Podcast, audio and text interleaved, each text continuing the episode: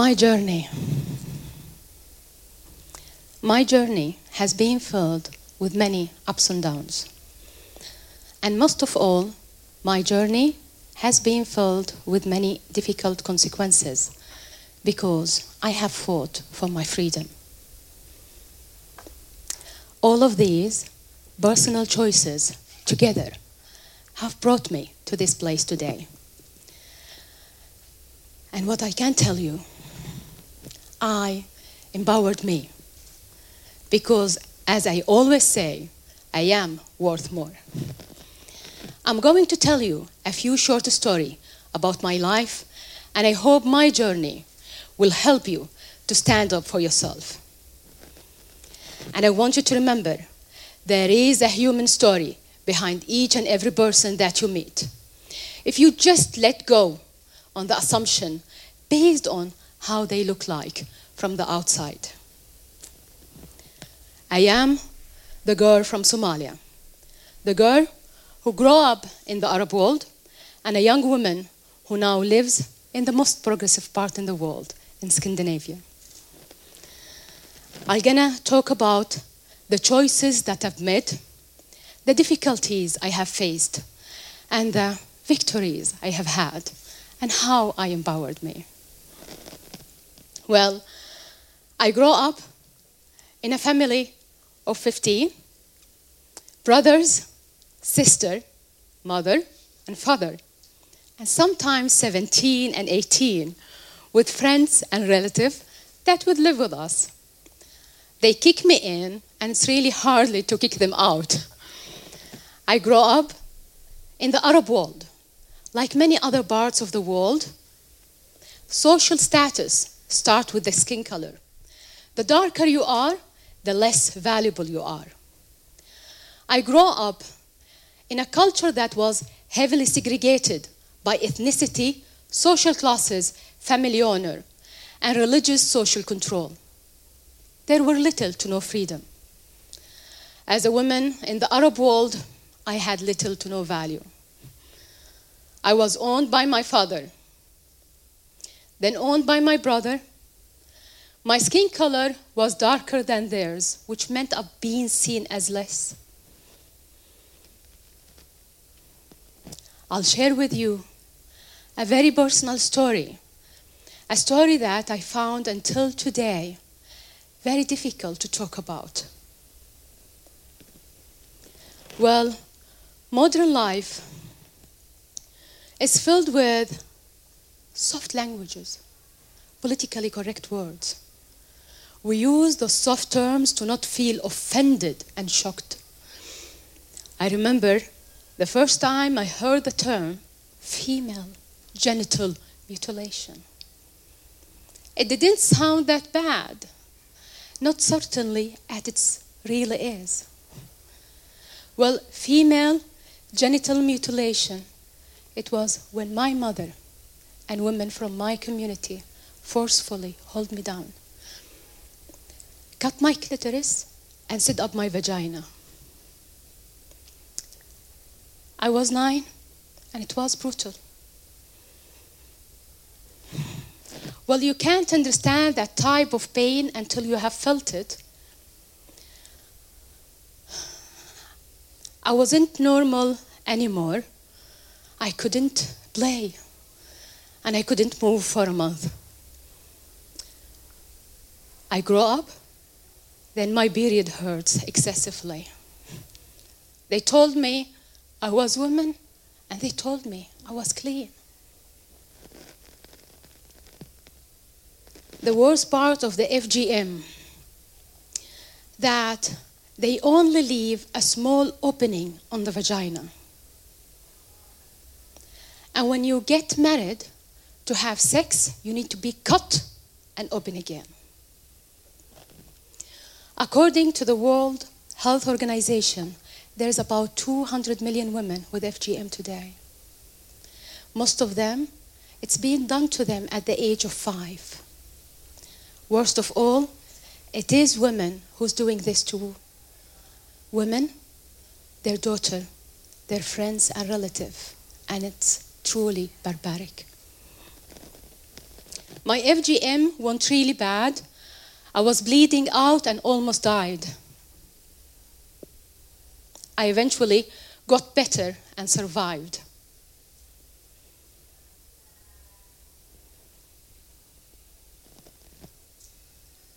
But when it was my little sister's turn, I decided to fight for them. I stood up to my mother to not do it yet to another daughter of her. Somehow I got through her. Perhaps she was still traumatized from my near death experience.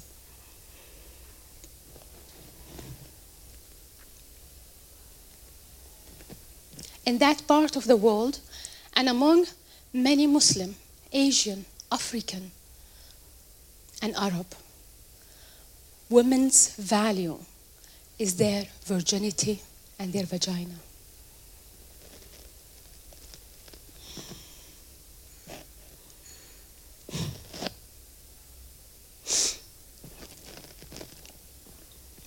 Well, leaving the trauma of being a woman in the Arab world, I eventually came to Europe, the promised land, the free land.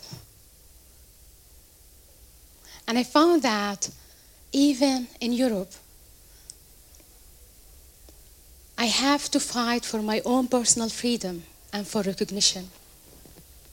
And it's sometimes it's hard to accept the fact that even here I have to fight and also you can be systematically oppressed, segregated, and discriminated from the society. Well, when I arrived here in Europe, I found that I wasn't just a black, I was African. And I wasn't just African, I was Muslim. And I wasn't just Muslim, I was a woman. And I wasn't just a woman, I was refugee. And worst of all, not any kind of refugee. I was Somali. Don't get me wrong. I do believe sometimes God had, sorry, He had must be playing a bad joke on me because for some reason or the others, I am part of pretty much every group and every people who's fighting for their equality and for their rights. I'm not just gay yet.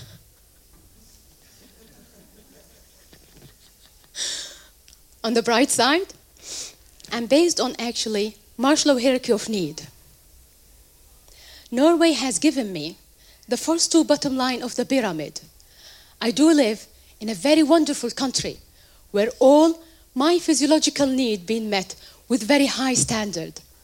I do live in beautiful country where I get uh, clean air, food, and I am safe, my kids are safe, and my income somehow, somewhere safe. well, the challenges start in the ladder number three belongings. And as I always say, it's sometimes hard to feel that you are a permanent outsider. I have an innate desire to move up the social ladder based on our shared value, contribution, and skills. And this is in many time very difficult. So even in the European culture, I found that there is a barriers, barriers based on assumption, assumption about my gender, assumption about my skin color, my ethnicity, and about my religion. Well, even assumption about what I have experienced, an assumption about what I am capable of. Well, we all make assumption all the time, myself included. I have even actually felt because of those assumptions, I've been judged and discriminated from the society. Today, I'm trying to show you the real human being behind those assumptions. Please don't forget the person who's sitting next to you, the real human being. My time in Europe wasn't easy. I had to fight to be accepted. I had to fight to choose my education and even had to work hard for searching for job. And not even just that. I found that the culture that I grew up with has a long reach. So even coming here, I found that I still have to fight for my personal freedom. So I have to fight to choose my husband, and I had to fight to remove the hijab. I made a friend with a very beautiful Norwegian woman who married to a Muslim man. She converted to Islam, and she had to wear hijab, and she has to practice the religion rituals. And I saw her become more and more devoted, trying to please her husband and the community. And I saw her more oppressed and unhappy. And this is simply wrong. And I decided to stop for her. In a way, my battle with hijab started from my childhood. I never believed that I had to cover my, hijab, my hair. And since I moved to Norway, and through a very strong education system, I adopted critical thinking. Oh, I'm sorry, knowledge based evidence to empower myself. And my study and research showed me that we Muslim women, we don't need to cover our hair. And it doesn't mention in the Quran. And after I saw them oppressing this young lady, I decided to remove my hijab in clear protest to free myself and help her to free herself. Today, she is free and she's without hijab. And as I always used to say, you have all the tools to be free, so just be free.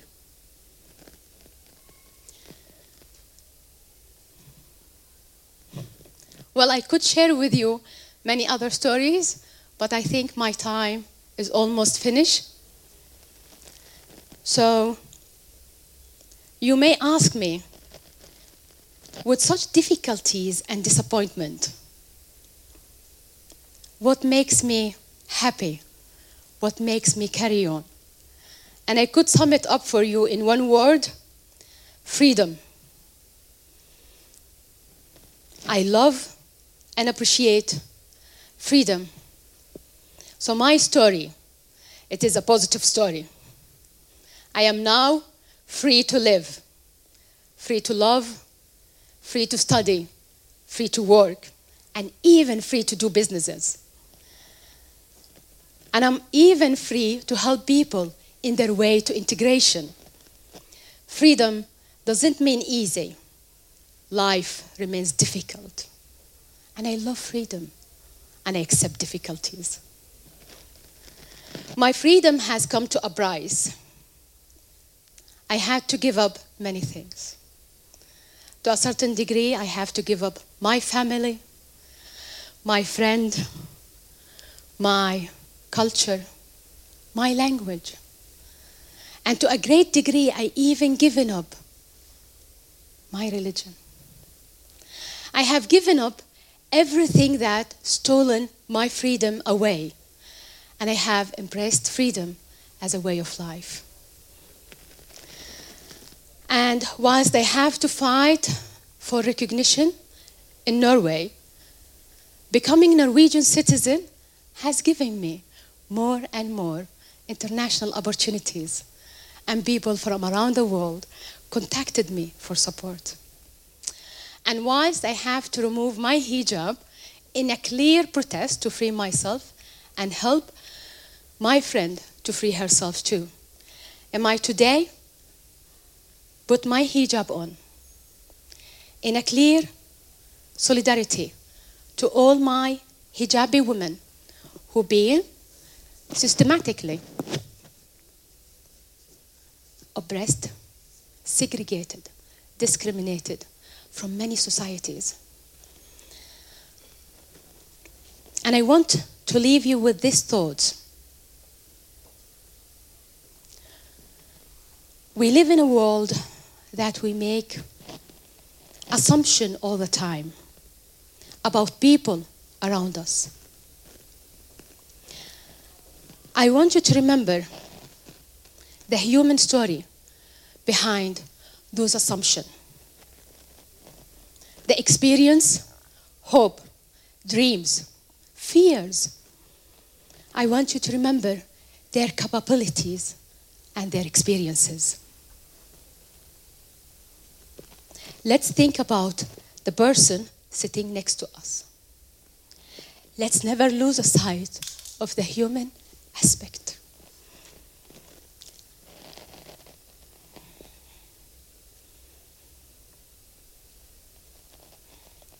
And I will leave you here with a short poem that I have written that sum up how I'm feeling as a woman standing in front of you, feeling empowered. Where do I say human aspects? Aspects of word, aspects of reality, aspects of motivation. We are all human with the story that shaped us, with the sorrow that surrounded us, and the history that made us.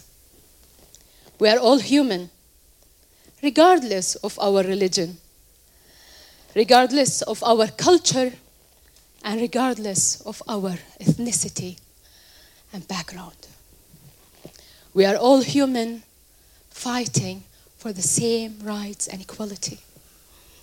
We are all human whom face challenges that defined us. We are all human whom overcome and survive the challenges. We are all human who's overcome with dignity and integrity.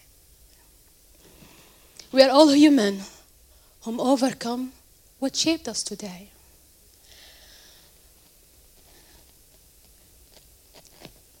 I am the story, I am the motivation, and I am the human aspect whom overcome our life challenges. Thank you.